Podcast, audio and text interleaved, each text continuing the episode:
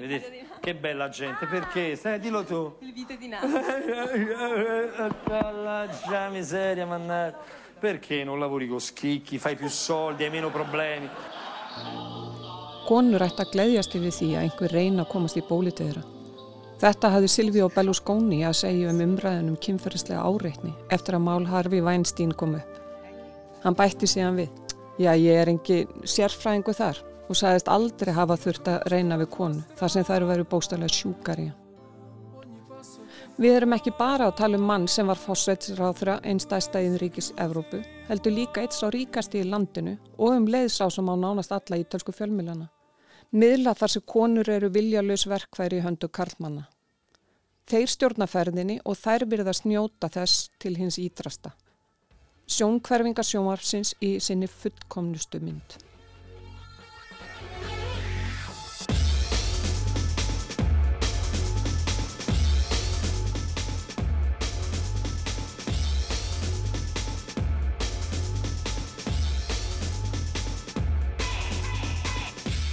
Sællustandi góður. Ég heiti Guðrún Holdanadóttir og þetta er fyrsti þátturinn af fimm um þjóðarleitoga sem eiga það sameigilegt að hafa verið kendi við populisma og þeir tengjast allir á einn eða annan hátt.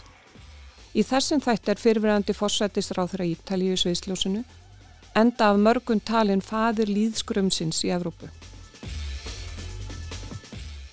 Val á fórsætta Ítalíu vakti nokkra aðtikli byrjun ást 2022 og rataði víða í frettir jafnvel á Íslandi. Ástæðan var sennilega svo að maður sem er hálf nýræður og flestir töldu eftir nómið að vera þingmaður á Evrópuþinginu síndi áhuga á að vera fórseti. Á Ítalið er það þingi sem velur fórseta landsins, ekki almenningur eins og við þekkjum hér á landi. Jú, Silvio Berlusconi, sem er sennilega þekktasti stjórnmálamæður Ítalið frá lokum setni heimsterialdar, vildi verða fórseti. En áhugið þingheims var minni en Berlusconis Þrátt fyrir að hann ringdi ótal síngtöli í þingmenn í þeirri von að þeir myndu stökka Berlusconi í vagnin. Við erum að undibúa bunga bunga vestlu og viljum fá því með okkur. Hefur þingmaður nokkur eftir Berlusconi í símtali þeirra á milli í janúar. Ekki nóg með það því Berlusconi bætti við að hann myndi út við að dömbunar. En svo fór að Sergio Mattarella var endur kjörum fósetti þráttur að vætla sér að hætta enda lungu komin á aldur. Hvers vegna? Stjórnmálaflokkarnir komu sér ekki saman um arftaka hans. Í þessu þætti verður fjallaðum feril fósættis ráðhransfyrirandi, mann sem enn er ábyrrandi umræðinni, þrátt verður að vera komin hátt á nýraðisaldur og heilsan að gefa sig. En áður en við veldu fyrir okkur populistónum Berlusconi er kannski ekki úr vegi að velta fyrir sér hugtekinu. Eirikur Bergmann, profesor í stjórnmálafræði við Háskóluna Bifröst, hefur rannsaka populisma um árabill og rýtaði um hann bækur. Eirikur, hvað er populismi? Í svona niður svoðinni útgáfum að segja að populismi sé pólitík þess að ala á óta í garð einhvers konar utanaðkomandi ógnar og stilla síðan sjálfum sér fram sem verndara alþýðunar hins vennjulega góða innri hóps gegn þessum uh, illvirkjum að utan. Rauninni bara við gegn hinum það er það sem að populismi er í grunninn. Sko sumir ruggla hugtækinu saman við sko vinsælda higgjuð eitthvað þess að þar en í rauninni vísar hugtækið sko ekki til uh, popular í merkingunni vinsældir heldur populus í merkingunni fólkið, romanum populus um, er í rauninni uh, það sem að hugtækið vísar fremur til þó að þetta séu þetta samstofna hugtök að þá er þetta já, fyrir fólkið gegn hinnum utanaðkomandi. En víkjum aftur að Silvíu Berlusconi, manninu sem hefur móta ítölsk stjórnmál, fjölmil á aðtapna líf landsins áratugum saman. Hann er markvaldur miljardamæringur sem hefur í fjórgang gengt en bætti fósætisráðara og situr nú á Evrópuþinginu eins og áður sagði, þrátt fyrir ítrekkaða tilraunir anstæðinga Berlusconi til að sakvellan fyrir spillingu og aðild að nexlismálum. Berlusconi er sennilega sá sem hefur oftast rataði frettinnar á Ítalíu áratugum saman. sem er kannski ekki skríti þar sem hann átti nánast alla fjölmjöla landsins og þegar hann var við stjórnvölin í ríkistótt landsins þurftu ríkisfjölmjölar helst að leita eftir áliti hans í hvers skipti sem tekið var viðtal við eitthvað þingmann stjórnaranstöðunar. En hver er maðurinn? Silvíu Berlusconi fættist 29. september 1936 í Milano og er því 85 ára aldri. Að loknu framhalskólanámi nam hann lög við Ríkisháskólan í Milano og útskrifaðist árið 1961 með afargóðum árangri. Meðan á námi stóð söng Berlusconi hljómsveitum og skemmti víða en hann var og er mikill söngmaður og hefur gefið út nokkra hljómplötur um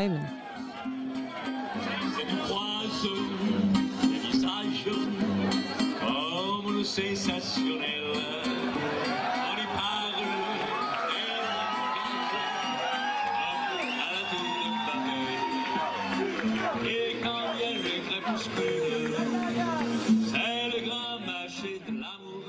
Fljótlega námi loknu stopnaði Berlusconi verktakafyrirtæki og hann grætt á tá og fingri með því að kaupa land.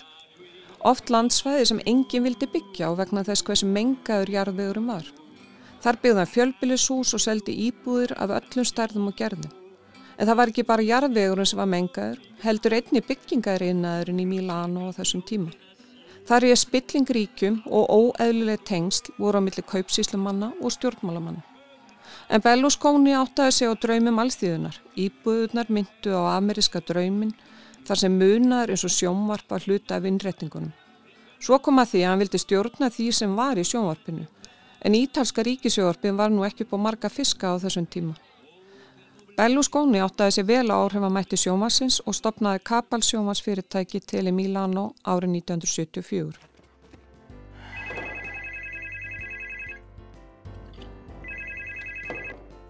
Bar Dolce Bar, buongiorno. No, la titolare non c'è, sono suo fidanzato, mi dica.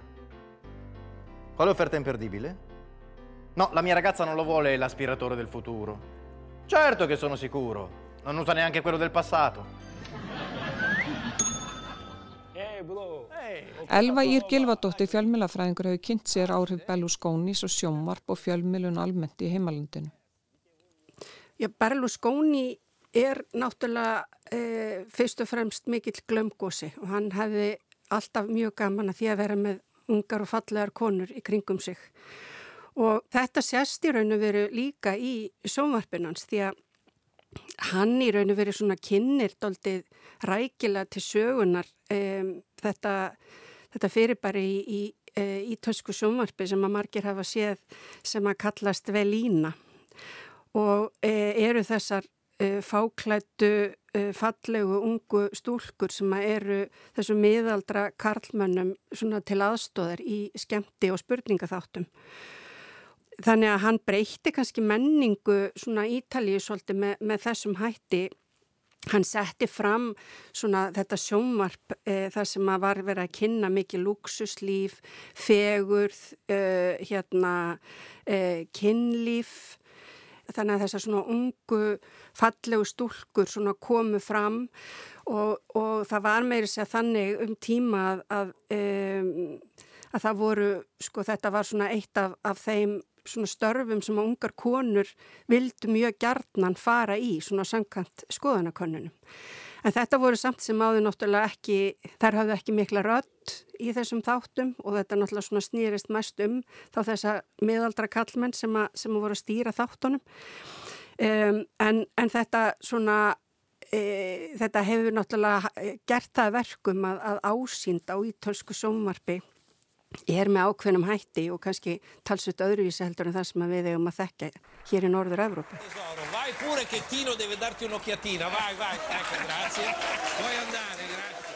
Og ekki liði mörg ár þanga til að Berlusconi var fjölmjöla mókull Ítalju. Stöð hans kanale 5 var fyrsta auðlýsikarekna sjómastöðun á landsvísu eftir að rekstur slíkra stöða var leiður. Undir lók nýjunda áratöðarins reyð fjölmjölaveldi Berlusconis yfir nánast öllum engareknu ljósakamelónum og ekki nóg með það heldur voru dagblöð, tímaritt, vöruhús, kvikmundús og já, eiginlega bara allt sem hægt er að gefa nafn og um leið græða á í eigu þessa stórlags í ítölsku aðtapnalífi. Egnar hans félagi Fín í vest sem heldur utan við fjárfestinga Berlusconis var stopnað um miðjan 8. áratugin og þegar hann ákvaða að bæta stjórnmálum við ferilinn var það þriðja stæsta enga fyrirtæki á Ítalju. Fíni vestur löngu vaksi í Ítalju yfir höfuð og yfir fjórðungu starfseminar er annar staðir í heiminum. Belluskóni sjálfur og börn hans fimm eru ofalega á listum yfir auðvasta fólk heims. Belluskóni er afar stoltur Milano búi. Milano er borgin hans og Asia Milan knaspinu fjölaði hans. Bókstallega í tilviki Belluskónis því í februar 1986 keift hann Asia Milan og átti það í rúm 30 ár.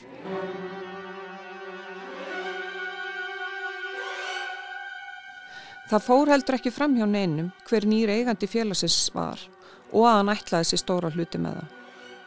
Gamlir aðdæðundur Asi Mílan fá margir glampa í augum þegar þeir minnast Rekvots morguns snemma í júli 1986 á leikvangi liðsins. Skindilega ómaði valkjöru reyðin úr óperu Ríkars Vagner úr hátalargerðinu. Og á sama tíma hefði sknýr frá þyrtlu ekki bara einni heldur þremur Nýr eigandi var mættur á völlin á samt leikmönnum og þjálfurum. Wagner hljóðnaði og rött Berlusconis óman. Ero milanista da sempre, andavo allo stadio con mio papà per tanti anni e quindi avevo il Milan nel cuore e come tutti i ragazzi avevo fatto anche del Milan, dei suoi impegni, dei suoi giocatori un esempio da seguire.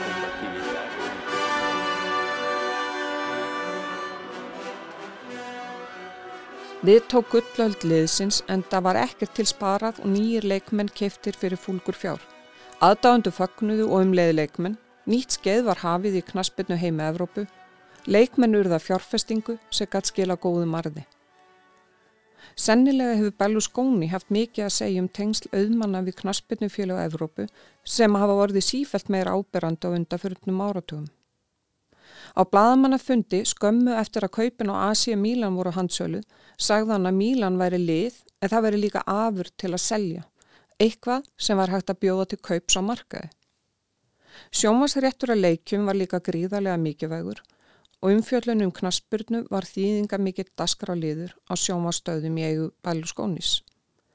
Og á því 31 ári sem Asia Mílan var í eigu Belluskónis vann liðið átta titla í ítölsku dildinni og var fimm sinnum sigurvegari mistaradeild Evróp. Mauro Tassotti, the captain for the day, lifts the trophy. The Rossoneri are European champions once again. Spilling hefur lengi verið landlega í ítalsku stjórnkerfi og eitt af því sem treyði kaupsíslumannum völd og um leið meiri auð var vilji ítalskara stjórnmálamanna til að taka þátt í henni. Snemma á tíunda áratöknu fór stuðningu við helstu stjórnmálaflokka Ítalju ört þerrandi vegna þess að rannsóknadómarar bindu sjónu sínum að fjármála gjörningum sem ekki þóldu dagsins ljós. Ekki gleimaði hlustandi góður að Ítali er heimaland frægustu mafíu í heimi.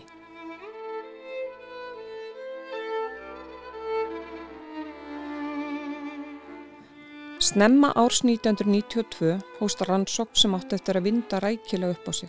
Svo nefnd Mani Puliti rannsók en manipulíti þýðir hreinar hendur. Dómarar um alla Ítalíu koma rannsókninni sem lauta pólitískri spillingu. Um tíma átti helmingur þingmann á ítalska þingjunni yfir höfði sér ákjæru vegna málsins. Þeirra meðal var fórsetist ráþurann Bettino Craxi sem var mikill vinubælu skónis.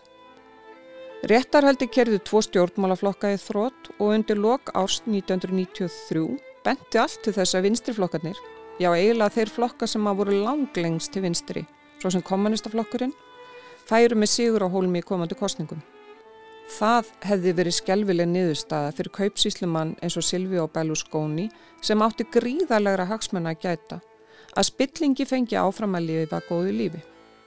Því steg hann fyrir alvöru inn á vígvöll ítalskara stjórnmála. 24. janúar 1994 tilgitt hann um stopnun eigin stjórnmálflokks Forza Italia eða Áfram Italia.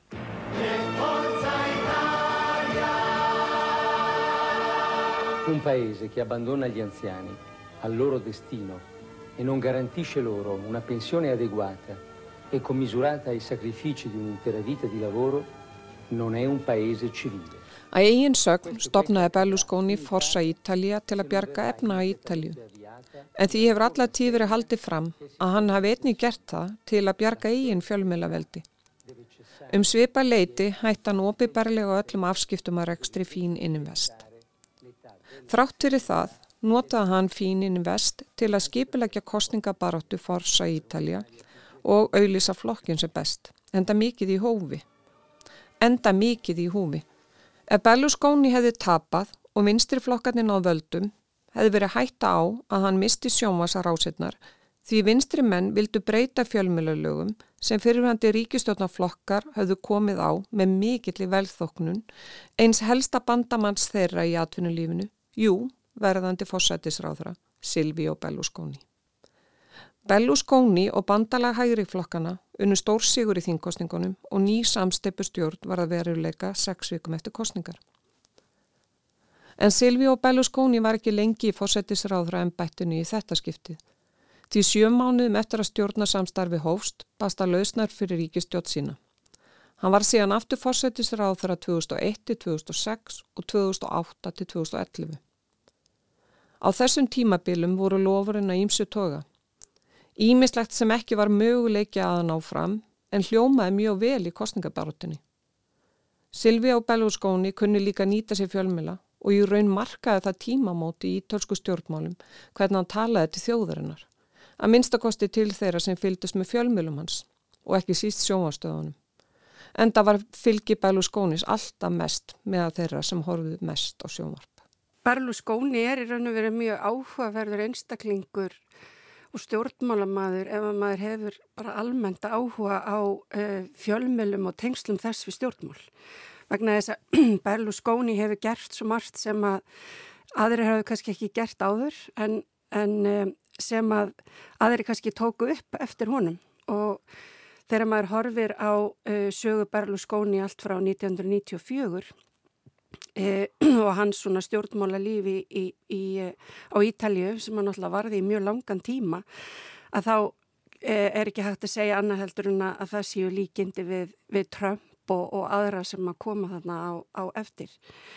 Það sem er kannski sérkennilegt við Berlusconi er að e, það var kannski ekki þekkt á þessum tíma þegar að, að hérna, hann stopnar flokkin Forza Italia að, að, svona, að þetta varð e, kannski svona flokkur sem, sem að varð eitthvað svona pólitískur armur e, stórfyrirtækis. Og og það má svona segja það að, að það væri nú kannski svona fyrir e, flokka sem eru nýstofnaðir eiginlega ómögulegt að, að kynna sér með þeim hætti sem að sá flokkur gerði nema af því að Berlusconi var þá eigandi stærstu sjómarstöðana í, í landinu með gríðalegt áhorf. E, þannig, að, þannig að þær svona áttu stóran þátti því að koma þessum nýja flokki á, á framfæri. Og sjónvarpi skipti miklu máli á Ítalið. Það má segja það að ef maður horfir svona á uh, fjölmjöla landslægið í óleikum ríkjum að þá er mjög mismunandi til dæmis bara hvað dagblöð og dagblöð og útgáfa sem dæmi er, er sterk og hvað, hvað er, hlutildin er, er sterk í því. Um, á Ítalju þá er svona sjónvarpi langsterkasti miðillin og þegar að maður eins og Berlusconi sem að á uh, allar stærstu sjómanstöðarnar e, Mediaset á Ítalju verður líka e, fórsættisráð þeirra e, og e, svona þessi, þessi svona, e, hvað sé að þessi og hann, hann er í raun og veru svona alltum líkjandi í ítalskum stjórnmálum í svona langan tíma að það má heldur ekki gleyma því að, að hinn miðillin sem er þá í samkeppni, það er þá ræ e, ríkisfjölmiðillin Eh, sem að hann í raun og veru náttúrulega eh, með svona notar kannski svona sín pólitísku tengsl til þess að, að, að gera ímsa breytingar og koma sínu, sínu fólki þar inn líka. Þannig að, þannig að það hefur svona verið talað um það að, hérna, e, það eru nú fáir sem hafa ymitt verið svona alltum leikjandi í fjölmjölum átt alla þessar stærstu en líka í raun og verið ráðið ríkisfjölmjölunum þannig að þetta var kannski um tíma bara um 90% af, af fjölmjölamarkanum hérna á auðvisingatekjunum sem, sem að runnu þarna til þessara miðla. Og þótti þetta bara almennt bara í lægi á þessum tíma? Eh, Berlusconi kemur inn í fjölmilana e, þegar það var búið að vera gríðarlega pólitísk spilling e, þannig að hann kemur inn í kannski svona e, inn á, enn á tíma það sem að svona kannski vantaði einhverja nýja svona ásýnd.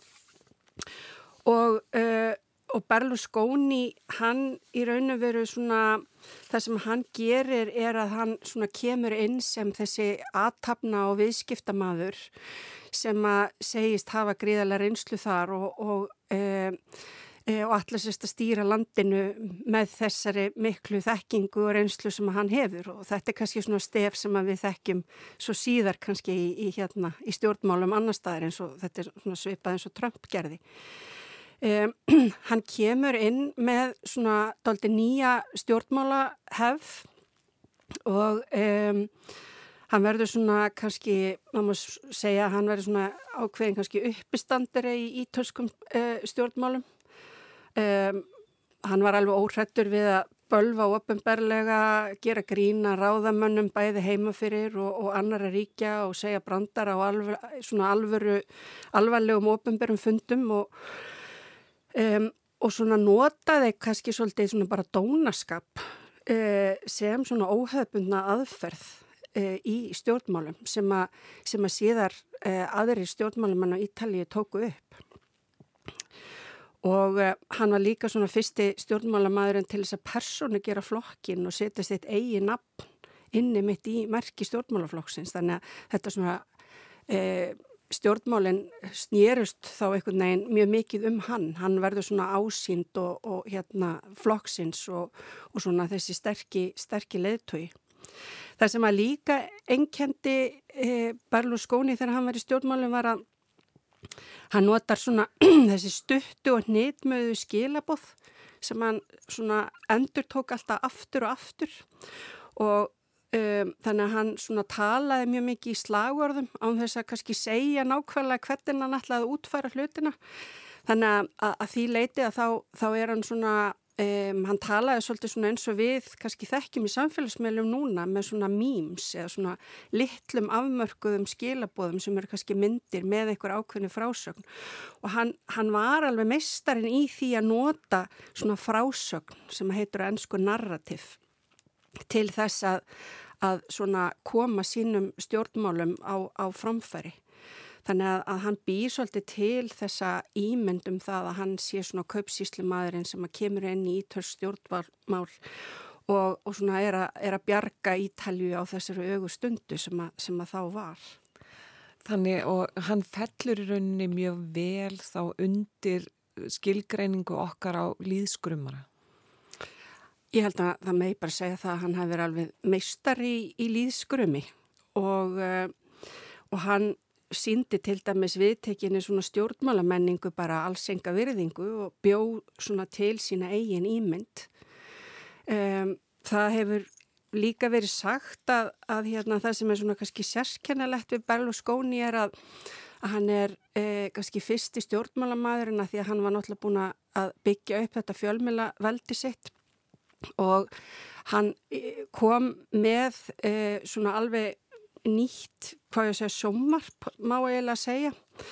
E, það er svona kalla nýja sjómarpið e, þar sem að, að e, það eru sko allt allt annars konar svona e, samsetning á, á efni, það var mikið að skemmti þáttum, spurninga þættir, íþróttathætti og svona annað léttmeti. Þannig að yfir 60% af þessu efni var að þessum toga meðan þetta var kannski bara um fjórðungur á, á ríkismiðlunum ræ þannig að, e, þannig að hann, svona það sem hann kannski gerir er það að hann svona formar kannski ákveðin e, e, svona kjósenda hóp með þessu sjónvarpi áður en að hann verður síðan sjálfur stjórnmálumadurinn sem að fær þetta fólk til þess að kjósa og það er í raun og veru mjög sérstakt. Á tíunda áratögnum var þjóðurnis populismi farin að taka á sig mynd í mörgum evrópskum höfuborgum. Eirikur Bergmann segir áhersla Berlusconis á að ná tökum af fjölmjölum hafi reynst árangusrík og hann hafi vorið fyrirmynd annara til að mynda Donald Trumps á þessu sviði. Já, ég hef í mínum eh, rannsónum kallaðan sko hálfpopulista því hann hefur í mig sönnur innkenni líka.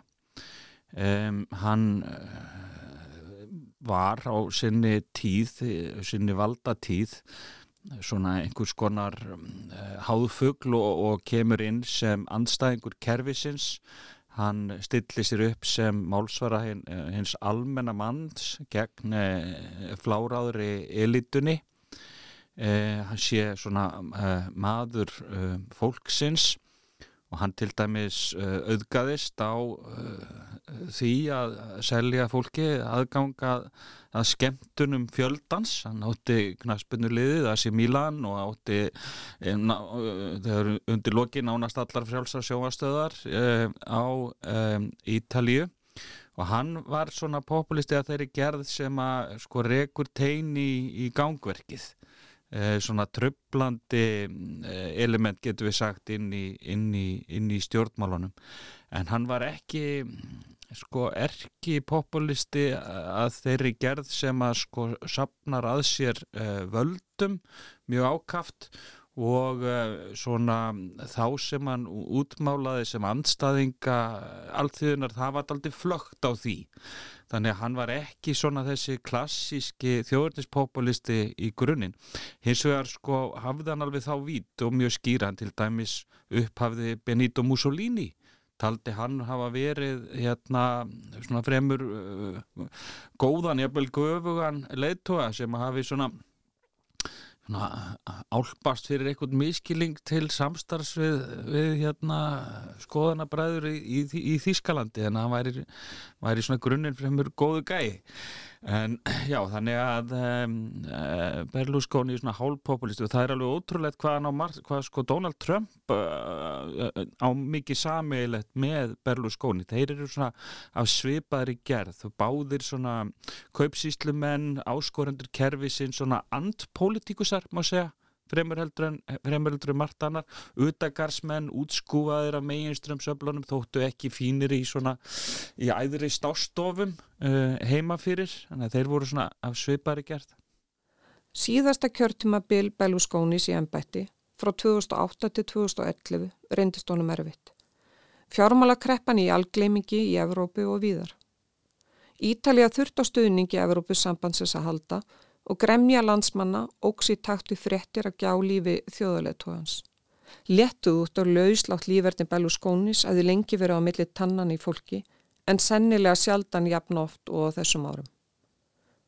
Á sama tíma barðist Berlusconi með kæft og klóm í réttasölu landsins þar sem hann var ítrekka ákjærðu fyrir saknæmt datafi. Má þar nefna misnótkum valds, mútur, spillingu, leinimakk, meiðirði fjárdrátt, fjárkúun, bókalsbrellur, mafíutengsl, peningaþvætti, meinsæri, skattsvig, að hafa gert ólöglegt samkominlag við vittni og kannski það sem flesti mun eftir í dag, að hafa greitt fyrir kinnmög með ólögráða ungmenn.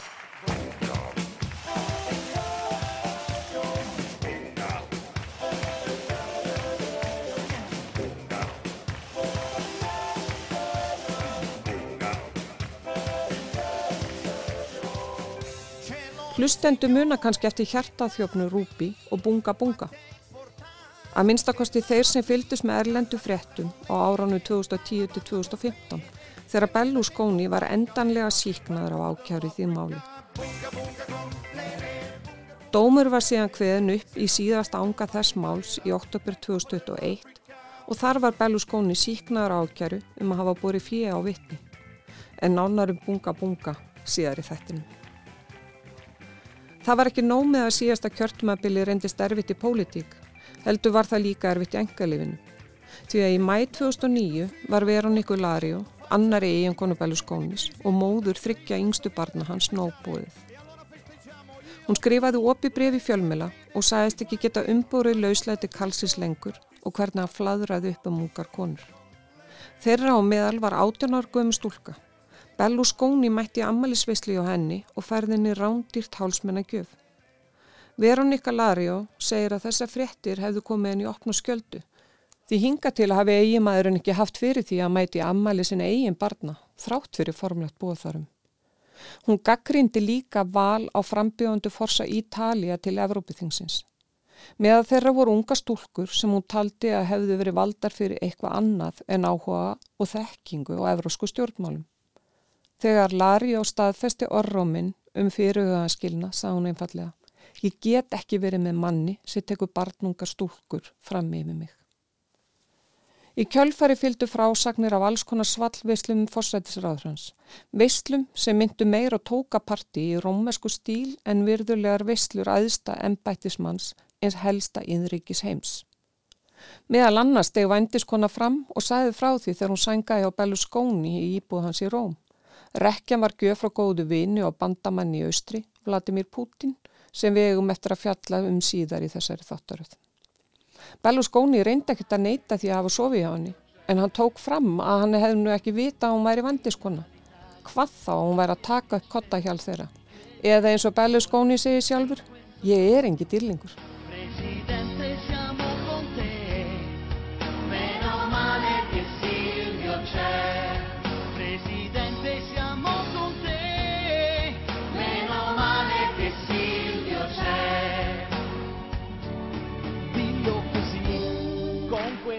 Forza che ha solamente chi è puro di mente. Presidente, siamo con te.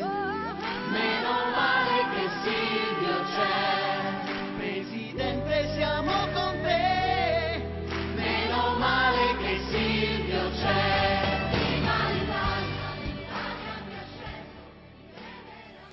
Fjallum aðeins meirum hjartaþjóðin Rúbi Ungu stúlkuna sem Berlusconi sagði að væri náfrænka fórseti Egiptarlands á þessum tíma en reyndist vera allt önnur.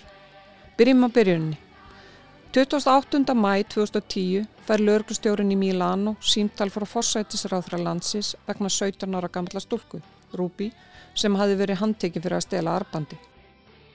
Sælvinur, ertu til í að láta hann að lausa þar sem hún er frænka Hosni Múbarak og við viljum ekki gera þetta alþjóðlegu nexlismáli?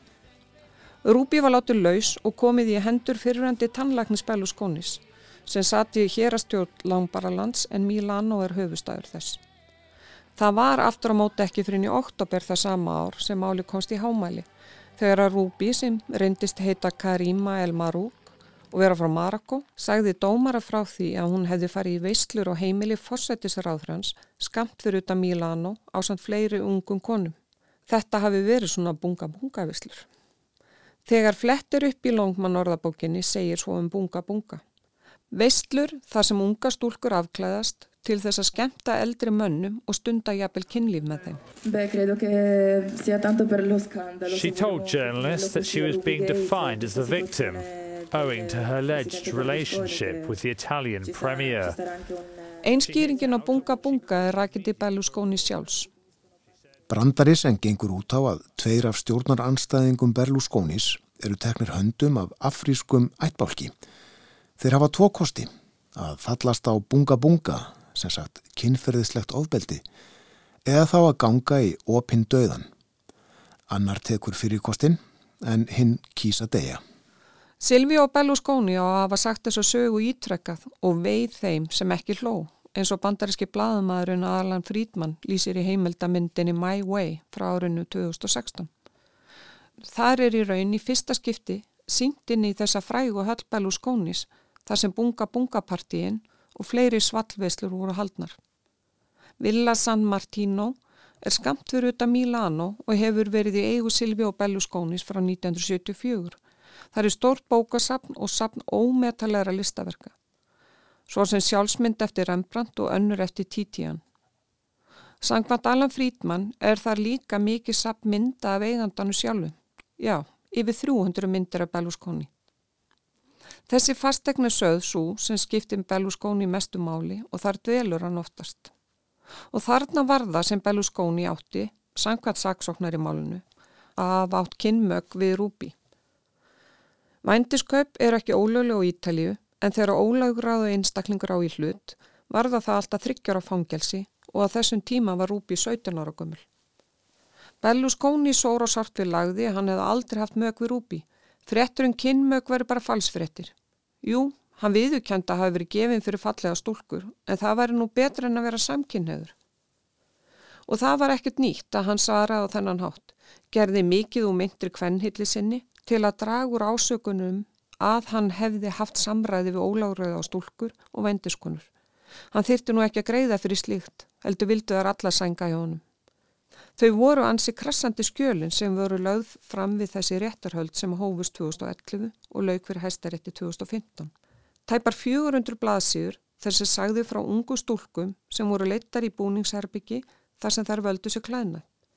Jafnvel var í bóði að fara í gerfi saksóknara sem Berlusconi þold ekki og uppnefndi alltaf sem yldu hinn að rauðverðu og vísaði þar til þess að hún var með raukt hár og vinstri sinnuð. Svo að því sé haldi til haga hér þá heitur hún Ilda Boccaccini og er eitt þekktasti saksóknari sem Ítali hefur átt og í tvo áratvíi reyndi hún að fá Berlusconi dæmdan í fangelsi fyrir margvísleg brott. Þetta að uppnefna fólk eins og Donald Trump er frægur fyrir er eitt af því sem er líkt með þeim tveimur. Líkindi með þeim eru í raun miklu miklu meiri. Báður eru kaupsíslumenn og pólitískir utakarsmenn. Eirikur Bergmann segir að það megi skilgreina báða sem andpolítíkusa sem stilla sér upp sem sterkum valkosti við gagslösa stjórnmálastéttina. Báðir hafa megin strömsöfl að háða á spotti en um leið eru þeir nánast ónæmir fyrir nexlinn. Raunar komast þeir upp með hegðun sem hefði lagt feril flestra annara stjórnmálamanna í rúst. Mare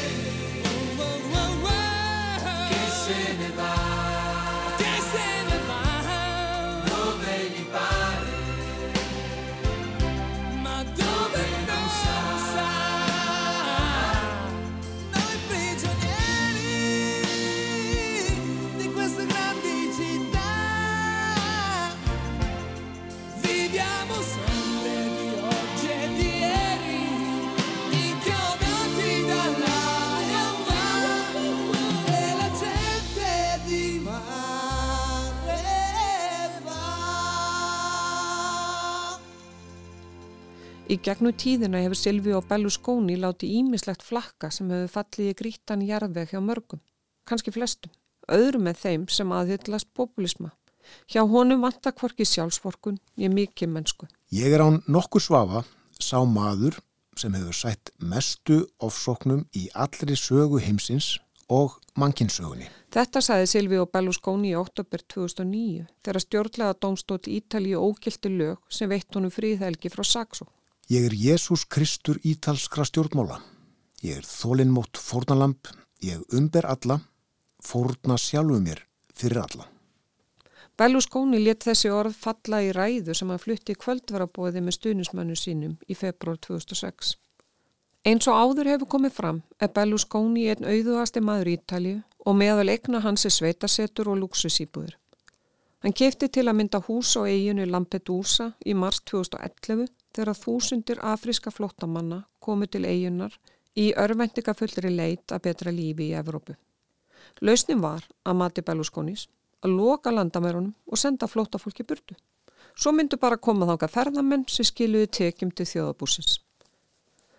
Á Lampedusa lofaði hann eiga skekjum golfvelli og hann myndi tilnefna þá til fríðavelina Nobelsta árið. Ég verð Lampedusa búi, bætti Berlusconi við þegar hann ávarpaði í búa og hétt þeim skatta ívilnunum og betri velferðarþjónustu. Mafioso, thief, go away. After supporting him at the ballot box for nearly two decades, in the end, the Italian people had nothing but anger for Silvio Berlusconi. Þegar neyðar ástand skapaðist á Evrusvæðinu árið 2011 glataði Berlusconi stuðningi meiri hlutans á þinginu. Hann hétt því 8. november 2011 að segja af sér um leið og þingi hefði samþygt nýjar aðgerður um aðhaldi ríkisfjármálum sem gerðist fjóru dögu síðar. Á þessum tíma var ljóst að fylgi Berlusconis var lítið, aðeins 22%. Það var því hlutverk nýra ríkistjórnar að komi gegn aðgerðum til að minka opibara skuldi landsins en þær náma á þessum tímapunkti jafn fyrir 336 miljónum miljóna íslenskara króna. 12-0 takk fyrir. Fá ríki í Evrópu fóru jafn ítla út úr fjármálakreppunni og Ítalja og hefur gengið á ímsu í stjórnmálu landsins síðan þá. Ekki bætti COVID stöðu landsins.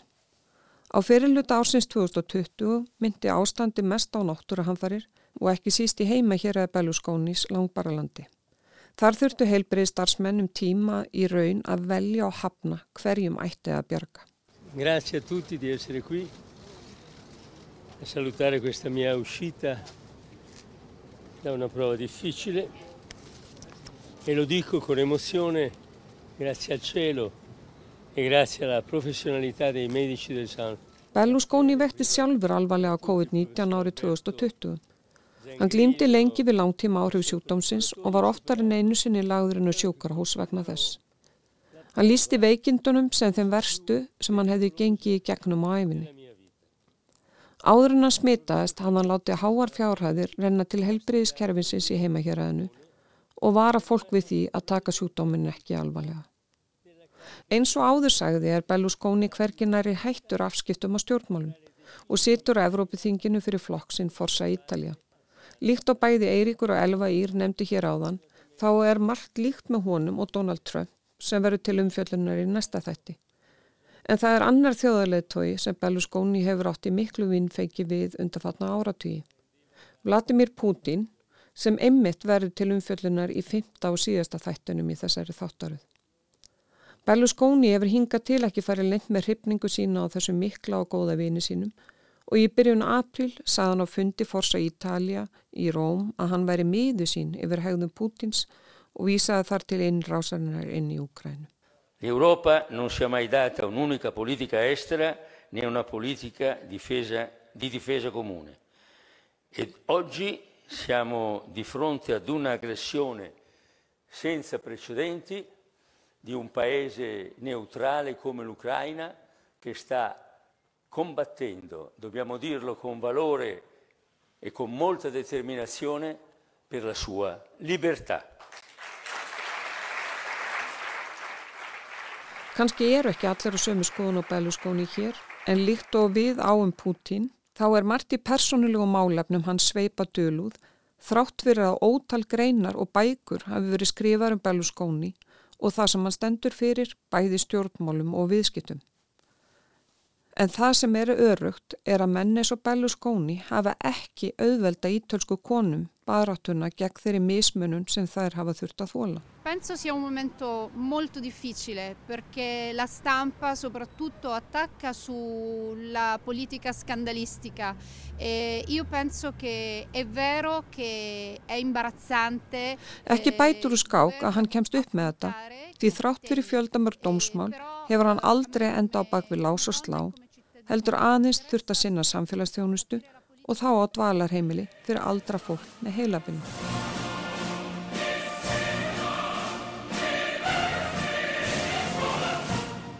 Ítalija hefur í gegnum tíðina reynst frjór jarðvegur fyrir populista og Eiríkur Bergmann nefnið þar á meðal eitt þekktasta stjórnmálamann landsins í dag, Matteo Salvini, sem er líkt á Berlusconi hallar undir Putin, ekki síst vegna anstöðu hans við Bandaríkin og Evrópusambandi.